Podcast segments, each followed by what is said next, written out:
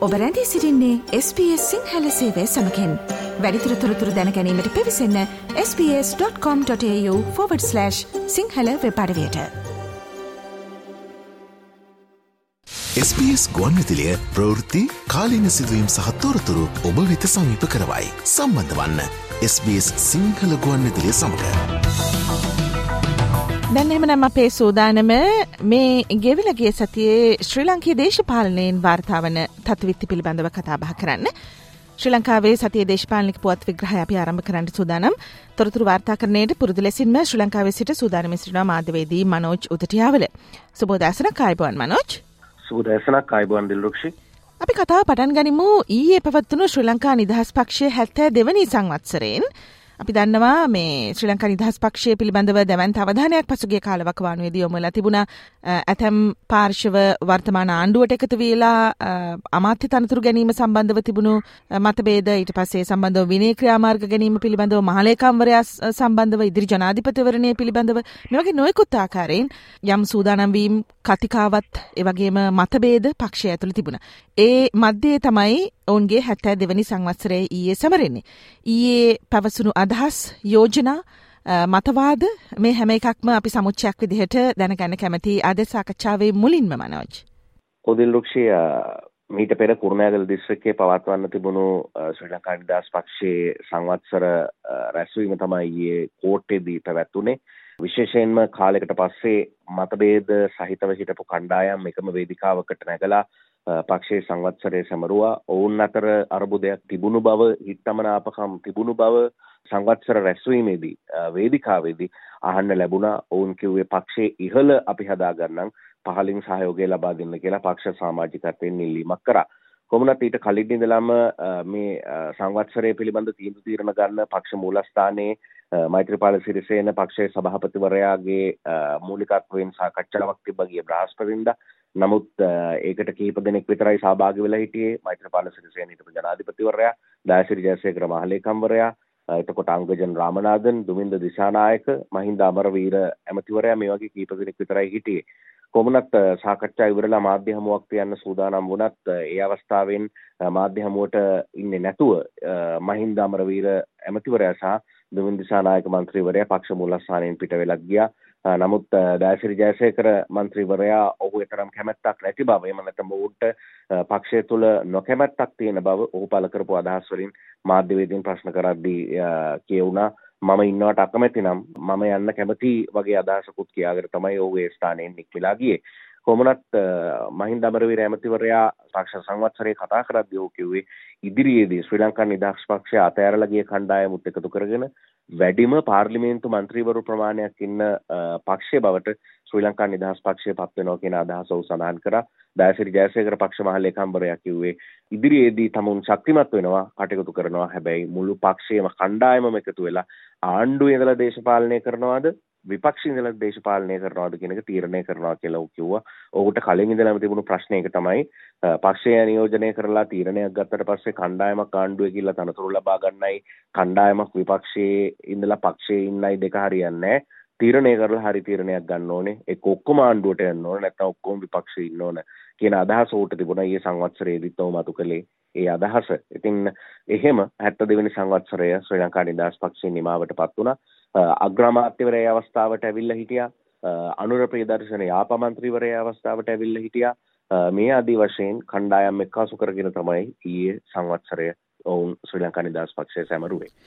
හොඳයි සංවත්සරයේදී පක්ෂයේ ප්‍රධානීන් පළ කරපු අදහස් කීපයක් කෙරෙහි අවධානය යොමු කරන්න කැමති මේ අදහස් තුළින් පක්ෂ අභ්‍යන්තරයේ තත්ත්වය සහ ඉදිරි ක්‍රියාමාර්ග පිළිබඳව දල අදහසක් අපිට ගන්න පුළුවන් හින්දා ශ්‍රී ලංකා නිදහස් පක්ෂයේ ජාතික සංවිධායක දුමින්ද දිසානායකගේ අදහසයි මේ. අනෙකුත් අපේ සහෝදර පක්ෂ බලාගෙන හිටියා ශ්‍රී ලංකා නිදහස් පක්ෂය කැඩිලා වෙන් වෙලා විනාශ වෙනවා යව දකින්න. අපි අතර මත තියෙන වෙන්න පුළුවන්. අපි අතර වාද වේද තියෙන වෙන්න පුළුවන්. හැබැයි දැන් අපි එක් වෙලා ඉවරයි. දැන් අපි වෙනසක් කරන්න ඕනිකම තියෙනවා. හැබැයි වෙනස මොකක්ද කියලා තාම කියන්න පුළුවන් කමක් නැහැ. මහා වෙනසක් ඉදිරියේ වෙන්න තියෙනවා. ඒ වෙනස වෙනුවෙන් ඔබතුමාලා ගමේ සූදානම් වෙන්න ඕනිකම තියෙනවා. මහා වෙනස මොකක්ද කියලා කුතුහලයක්කුත් ඇති වෙනවා. පක්ෂේ ජේෂ්ඨ උප සභාපති මහින්ද අමරවීරයි මේ. ශ්‍රී ලංකා නිදහස් පක්ෂය විවිධ අභියෝගවලට මුහුණ දෙනවා. සමහර වෙලාවට මන්ත්‍රීවරු පැරදිලා හයට හතට ආපු වෙලාවල් තියෙනවා. බලය නැති වෙච්ච වෙලාවල් තියෙනවා. ඒ මොනම අභියෝග තිබුණත් ශ්‍රී ලංකා නිදහස් පක්ෂය මේ රටෙන් අතුගාලා දාන්න පුළුවන් පක්ෂයක් නෙමෙයි. තව මාස ගාණක් ඇතුළත පාර්ලිමේන්තුවේ මන්ත්‍රීවරු වැඩිම ගණනක් නියෝජනය කරන පක්ෂය ශ්‍රී ලංකා නිදහස් පක්ෂය කියන එක මම පැහැදිලිව සඳහන් කරනවා. ඒක දන්නේ අර කිව්ව මහා වෙනස වෙන්න යන නේද? දුමින්ද දිසානායක ඉඟි කළේ.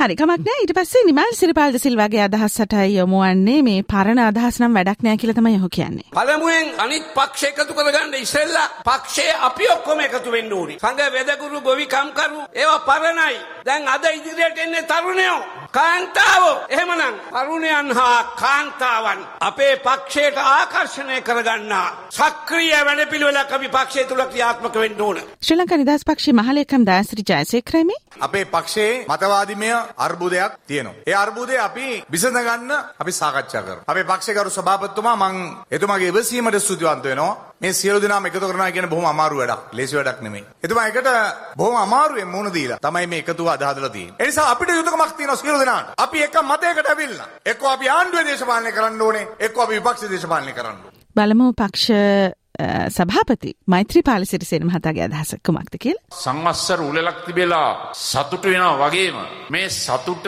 යම් දීර්ඝකාලීන සතුටක් කරගන්න පුළුවන් වෙන්නේ අපි ආණ්ඩුවක් පිහිටවුවොත් පමණයි. සියලු දෙනා එකට එකතු වෙලා එක එක කල්ලි කණ්ඩායම් බෙදෙන්නේ නැතුව එක ගමනක් යන්න අපි සූදානම් වෙන්නට ඕන. එක මතවාදයකට අපි රට ගෙනියන්න ඕන. ඒකට ශ්‍රී ලංකා නිදහස් පක්ෂය නායකත්වය ගන්නට ඕන. රටේ එක් දේශපාලන මතවාදයක් ගොඩනැග නැගීම සඳහා.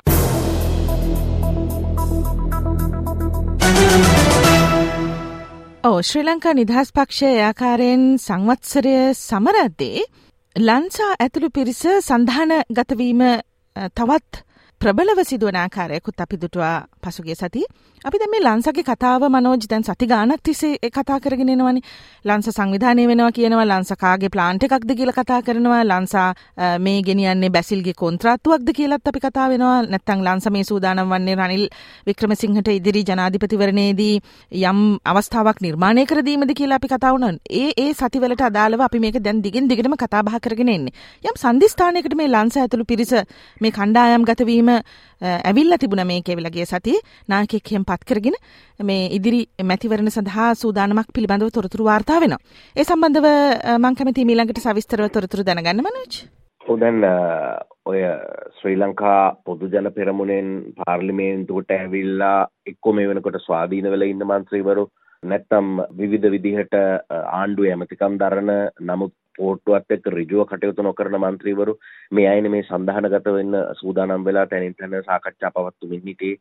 ඉතින් දැන් ඔවුන් පොදුවේ අලුත් සංවිධානයක් හැදීමේ කටයුතු ආරම්භ කරලා තියෙනවා. මේ වෙනකොට ඔවුන් ආසන මට්ටමින් මෙහෙයුම් කටයුතු කරගෙන යනවා කියලා වාර්තා වෙනවා. කොමුණත් ඔවුන්ට නායකයෙක් පත් කරගන්න දැන් මේ වන විට ඔවුන් සූදානම් වෙලා තිබුණා නායකයෙක් පිළිබඳව අදහස් පළ වුණා. ඒ තමයි කුරුණෑගල දිස්ත්‍රික්කය නියෝජනය කරන පාර්ලිමේන්තුවේ අත්දැකීම් ගොඩක් තියෙන අනුර ප්‍රියදර්ශන යාපා මන්ත්‍රීවරයාගේ නායකත්වයෙන් තමයි මේ සන්ධානය කටයුතු මින් ඉදිරියට සිදු කරනවා කියලා වාර්තා වෙන්නේ. කියන සන්ධානයේ නායකයා හැටියට අනුර ප්‍රියදර්ශන යාපා මන්ත්‍රීවරයාව පත් කරගෙන තියෙනවා වගේම මේ සන්ධානයේ මංගල රැලිය ජනවාරි මාසයේ පවත්වන්නත් මේ වෙනකොට කටයුතු සූදානම් කරලා තියෙනවා කියලා වාර්තා වෙනවා. පක්ෂයට තාම නමක් නෑ නමුත් දැන් නායකයෙක් ඉන්නවා. මීට කලින් නමකුත් තිබුණේ නෑ නායකයෙකුත් හිටියේ නෑ දැන් කොහොම හරි නායකත්වයක් පත් කරගෙන ඉස්සරහට යනවා. දැන් ඊයේ ශ්‍රී ලංකා නිදහස් පක්ෂයේ සංවත්සර වේදිකාවෙත් ඇහුණා වගේ මීට පෙර දයාසිරි ජයසේකර පක්ෂයේ මහලේකම්වරයා කිව්වත් වගේ ඉදිරියේදී ශ්‍රී ලංකා නිදහස් පක්ෂයේ ඉඳලා ගිය කණ්ඩායමක් ඇවිල්ලා ශ්‍රී ලංකා නිදහස් පක්ෂ වටේ එකතු වෙලා බලය අරගෙන මේ ශ්‍රී ලංකා නිදහස් පක්ෂය ගිහිල්ලා එක්සත් ජාතික පක්ෂයට හේතු කරන්න තමයි හදන්නේ කියලා. එහෙම සැකයක් තියෙනවා කියලා දයාසිරි ජයසේකර මන්ත්‍රීවරයාත් ඔයිට කලින් සඳහන් කරලා තිබුණා. ඉතින් එහෙම බැලුවොත් මේ සඳහනය ජනාධිපතිවරයාට සහයෝගයෙන් වැඩ කරන්න ශ්‍රී ලංකා නිදහස් පක්ෂය වටාත් එකතු වෙන්න සූදානමක් තියෙන සන්ධානයක්ද කියලා ඉඟි දෙකක් ඒ හරහා ලැබෙනවා. කොහොමද දෙන්න උන් නායකයා පත් කරගෙන තියෙනවා. අනුරූපේ දර්ශන යාපා මන්ත්‍රීවරයාගේ නායකත්වයෙන් තමයි සඳහන් ඉස්සරහට යන්නේ. මනෝජ් අපි ටිකක් මතක් කරගමුද මේ දැන් කොයි කොයි පිරිස්ද මේ ලංසවට එකතු වෙලා ඉන්න කියලා සන්ධානයත් එක්ක? ඔව් මේකට රැස්වීම් තියද්දිත් ආවා විශේෂයෙන්ම දැන් ශ්‍රී ලංකා නිදහස් පක්ෂයේ සංවත්සරයට ආපු මහින්ද අමරවීර ඇමතිවරයා එතන ඉඳලා තිබුණා. ඔහුගේ නිවසේ රැස්වීමක් පවත්වලා තිබුණා. ප්‍රියංකර ජයරත්න මන්ත්‍රීවරයා ඒ ස්ථානයේ ඉඳලා තිබුණා. එතකොට විජේදාස රාජපක්ෂ ඇමතිවරයා පිළිබඳව කියවුණා. එතකොට සුසිල් ප්‍රේමජයන්ට ඇමතිවරයා පිළිබඳව කියවුණා. එතකොට නිමල්ලන් සනුරපේ දර්ශනයාපා ඒ කණ්ඩායම මෙතන හිටියා. එහෙන් බැලුවොත් දැනට ආණ්ඩුවේ තනතුරු දරන අමාත්‍ය දුරදරන අය ඉන්නවා. ඔවුන් ශ්‍රී ලංකා නිදහස් පක්ෂය නියෝජනය කරන අය ඉන්නවා. එතකොට පාර්ලිමේන්තුවේ ස්වාධීනව කටයුතු කරන පොහොට්ටුවත් එක්ක ඍජුව ගනුදෙනු නොකරන മന്ത്രിවරු ඉන්නවා. මේ ආදී කණ්ඩායමක සංයුතියක් තමයි මෙතන පේන්න තිබුණේ. ඔව් අපි බලමු ලන්සගේ මේ සංධානය පිළිබඳව ඊළඟ සතිය වෙනකොට මොනවද අපිට වාර්තා වෙන්නේ කියලා. මොකද ලන්සා මේ රනිල් පාර්ශවයේ කෙනෙක් කියලා එක් පාර්ශවයක් සැකපල කරනවා. තව පාර්ශවයක් සැකපල කරනවා ලන්ස කියන්නේ බැසිල්ගේ ප්ලාන්ට් එකක් කියලා. අපි බලමු. ඉදිරි සතියේදී අපිට මේ සම්බන්ධව වාර්තා වන තොරතුරු මොනවද කියලා.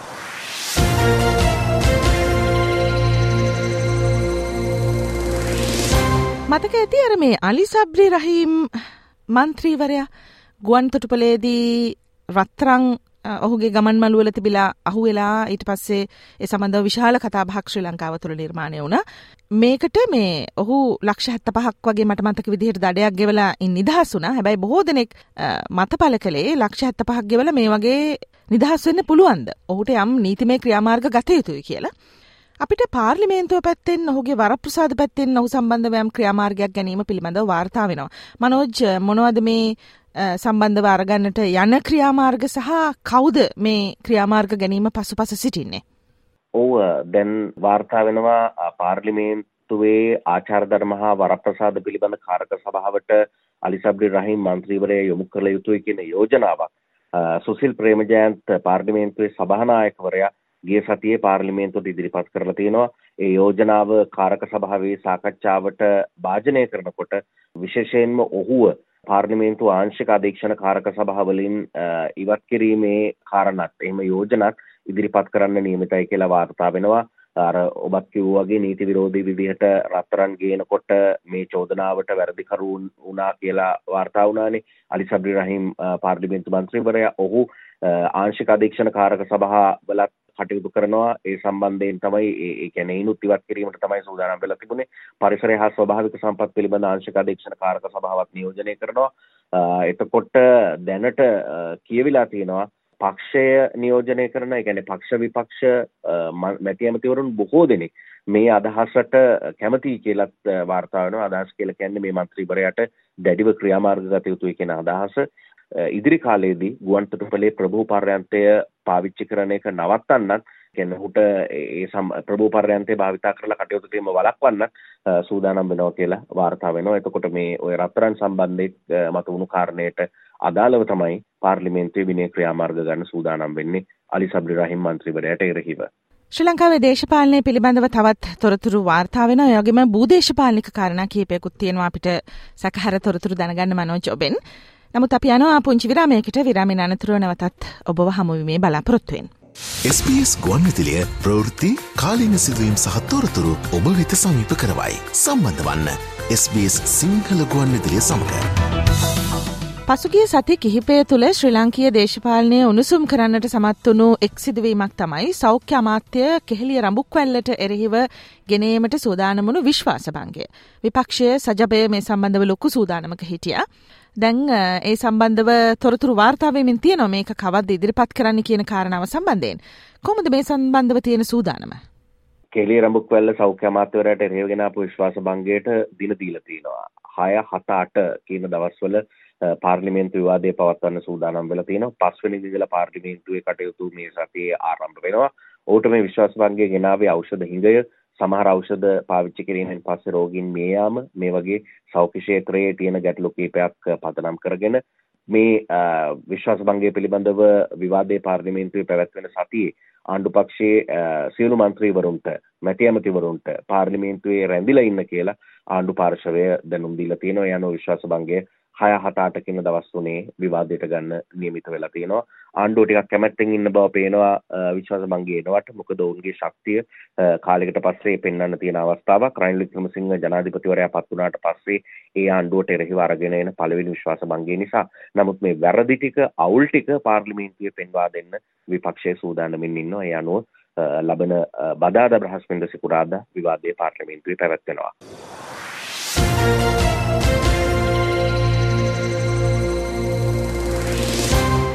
හොඳයි අපි හෙමනම් බූදේශපාලනිකව ශ්‍රී ලංකාවට වැදගත් වන කාරණා කීපයක් කිරි අවධානය යොමු කරමු. ඔබට මතකඇති අපි පසුගිය කාලවකවානවිදි චීන නෞකාවක් ශ්‍රී ලංකාවට පැමිණීමට නියමිත වගට තොරතුරු අනාවරණය කලා නාරායකත්තේ සම්බන්ධව යම් ඉල්ලීමක් කළ තියෙන රජයෙන් රජයත් අනුමැති ලබා දීලා තියෙනවා කියලා තොරතුරු වාර්තා කළා. මේකට කලබලයට පත් වෙලා තිබුණ ඉන්දියාව. හැබැයි මේ ඉන්දියාවත් හදිසියේ මේ නෞකාවක් එවන්න කටයුතු කලා පසුගේ සිකුරාද. ඒත් එක්කම ඉන්දිය ආරක්ෂ කමතිවරයත් ලංකාවට එනවා කියලා තිබුණා හදිසියම. හැබැයි ආව වගටනම් තොරතුරක් නැහැ මනෝජ්. මොකක්ද එතන සිද්ධ වෙලා තිබුණේ. ඔවදැන් අර චීනයේ නෞකාවක් ශියන් ෆික්ස් නෞකාවට අවසර ලබා දීලා තිබුණා ආරක්ෂක අමාත්‍යංශය ශ්‍රී ලංකාවට එන්න මේ සම්බන්ධයෙන් ඉන්දියාව ඔවුන්ගේ කනස්සල්ල පල කරලා තිබුණා ඒ අතර තමයි ඉන්දිය ආරක්ෂක ඇමතිවරයා රාජ්නාත් සිං ලංකාවට එන්න නියමිතලා තිබුණේ ගිය සෙනසුරාදා ඉරිදා දවස් දෙකේ දෙදින නිල සංචාරයකට තමයි එන්න තිබුණේ හදිසියේ හැබැයි විශේෂයෙන් නිදනු කාරණයක් නිසා ඔහු සහභාගි වෙන්නේ නැහැ. ඒ කියන්නේ ඊයේ පෙරේදා ලංකාවට එන්නේ නැහැ කියන එක ඉන්දියාව අවසාන මොහොතේ දන්වලා තිබුණා. හැබැයි ඉදිරියට එනවා ඒ දින දන්වනවා කියලා තිබුණා. ඔහු ඇවිල්ලා ත්‍රිකුණාමලයේ සංචාරයකට වෙන්නත් නියමිත වෙලා තිබුණා. කොහොමනත් මේ සංචාරයට සමගාමීව ඉන්දියාවේ නිෂ්පාදනය කරපු මිසයිල නාශක නෞකාවකුත් ලංකාවට එන්න නියමිත වෙලා තිබුණා. හැබැයි ආරක්ෂක ඇමතිවරයා වෙනතුනාට නෞකාව ඇවිල්ල ගියා. ඉදිරියේදී ඔහු එයි. එන්න හේතුව ශියන්සික්ස් නෞකාව ඔවුන් සිදු කරන මෙහෙයුම් ගවේශණ කටයුතු නාරයකත් එක් එකතු වෙලා කරන වැඩ මේවා පිළිබඳව ඉන්දියාව නොකැමැත්තෙන් හිටපු වෙලාවේ පිළිබඳව සොයා බැලීම තමයි මේ සංචාරය ආරමුණ කියලා බොහෝ දෙනෙක් සඳහන් කරලා තිබුණා.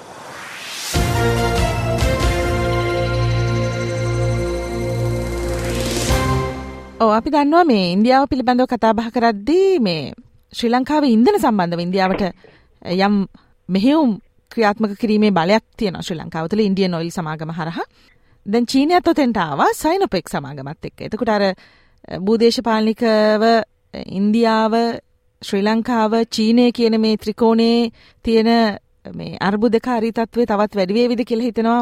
තෙල් සම්බන්ධව චීනයටත් යම් අයිතියක් ලැබීම පිළිබඳව ශ්‍රී ලංකාවේ මෙහෙයුම් කටයුතු සම්බන්ධයෙන්.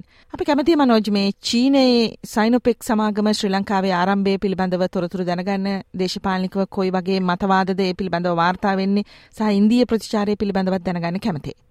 ඔව් දැන් සයිනොපෙක් සමාගම තමන්ගේ මෙහෙයුම් කටයුතු ආරම්භ කරා ඒ වගේම අමාත්‍යංශයේ පැත්තෙන් විදුලි බල හා බලශක්ති අමාත්‍යංශයේ පැත්තෙන් උත් වාර්තා වුණා ගිය සිකුරාදා වෙනකොට ආසියානු කුසලාන ක්‍රිකට් තරගාවලියේ බංග්ලාදේශයත් එක්ක තිබුණු තරගය දිනලා අවසාන ඔවුන්ගේ ජය සංකේත ප්‍රදානය සිද්ධ වෙන අතරේ අපිට දැනගන්න ලැබුණා ලංකාවේ ඉන්ධන මිලා ඉහළ ගියා කියලා ජයග්‍රහණය ඇතුලේ එවැනි තත්ත්වයකුත් වාර්තා වුණා. ඒ ඒත් එක්කම කියුණා විශේෂ භාර අමාත්‍යවරයාගේ පැත්තෙන් කියවිලා තිබුණා ලංකාවේ QR කේතය අනුව ඉන්ධන ලබා දීම කියන්නේ සීමිත ඉන්ධන ප්‍රමාණයක් සතියකට ලබා දුන්නේ මේ QR ක්‍රමවේදය අයින් වෙනවා කියලා. ඒ අතරේ සයිනොපෙක් සමාගමත් සූදානමින් ඉන්නවා රුපියල් 3ක් අඩුවෙන් තෙල් ලබා දෙන්න. ඒ පිළිබඳව ඉන්දියන් ඔයිල් සමාගමේ තරම් කැමැත්තකුත් නැහැ කියලා තොරතුරු වාර්තා වුණා. කොමන සයිනොපෙක් රුපියල් 3ක් අඩුවෙන් ඉන්ධන ලීටරයක් ලබා දෙන්න කටයුතු කරලා තියෙනවා. ඒ වගේම මේ මාසේ ඉවර වෙනකොට සැප්තැම්බර් ඉවර වෙනකොට සයිනොපෙක් සමාගම ලංකාව පුරාම වෙළඳපොළ මෙහෙයුම් ආරම්භ කරන්න සූදානම් වෙලා තියෙනවා. ඉන්ධන බෙදා හැරීමේ නියෝජිතයින් ඒත් එක්කම පිරිපහදු සමාගමේ නිලධාරීන් විදුලි බල අමාත්‍යංශයේ එකතු වෙලා කරපු සාකච්ඡාවක තමයි මේ තීරණයට ඇවිල්ලා තියෙන්නේ අනුව සැප්තැම්බර් අවසානයේ වෙන විට සයිනොපෙක් සමාගම ලංකාවෙම මෙහෙයුම් කටයුතු ආරම්භ කරන්න සූදානම්. ඒ සඳහා සිපෙට්කෝ සමාගමේ ඉන්ධන පෙරවුම්හල් ප්‍රමාණයක් තමයි මෙහෙයුම් කටයුතු වෙනුවෙන් ඔවුන්ට ලබා දෙන්නේ. සයිනොපෙක් සමාගම ඔස්ට්‍රේලියාව නම් මේ විදිහට ඉන්දන මෙහියුම් කටයුතු ආරම්භ කලා දෙදස් දහනවේ වසරේ සයිනොපෙක් ඉන්දන නිකුත් කිරීමේ මධ්‍යස්ථාන ඔස්ට්‍රලියාව නම් මේ වෙනකොට ක්‍රියාත්මක වෙනවා වයා හවස් පහලවක් විතර තියෙනවා කියලා අපිට තොරතුරු හොයලා බලද්දි වාර්තා වෙන්නේ. අපි බලමු ශ්‍රී ලංකාවේ මේ ආරම්භ කරපු යාන්ත්‍රණය හරහා ඉදිරියේදී තෙල් සම්බන්ධව තියෙන බලාධිකාරය පිළිබඳව කොයි වගේ තොරතුරුද වාර්තා වෙන්නේ කියලා. මනෝජ් අපි ඔබට ස්තුතිය පළ කරමින් එහෙමනම් සමු දෙනවා අපි ඔබ බලාපොරොත්තු වෙනවා හෙට උදේ මව්බිමෙන් පුවත් විශේෂාංගයේදී. බොහොම ස්තුතියි ආයිබෝවන්. බොහොම ස්තුතියි දිල්රුක්ෂි ආයිබෝවන්.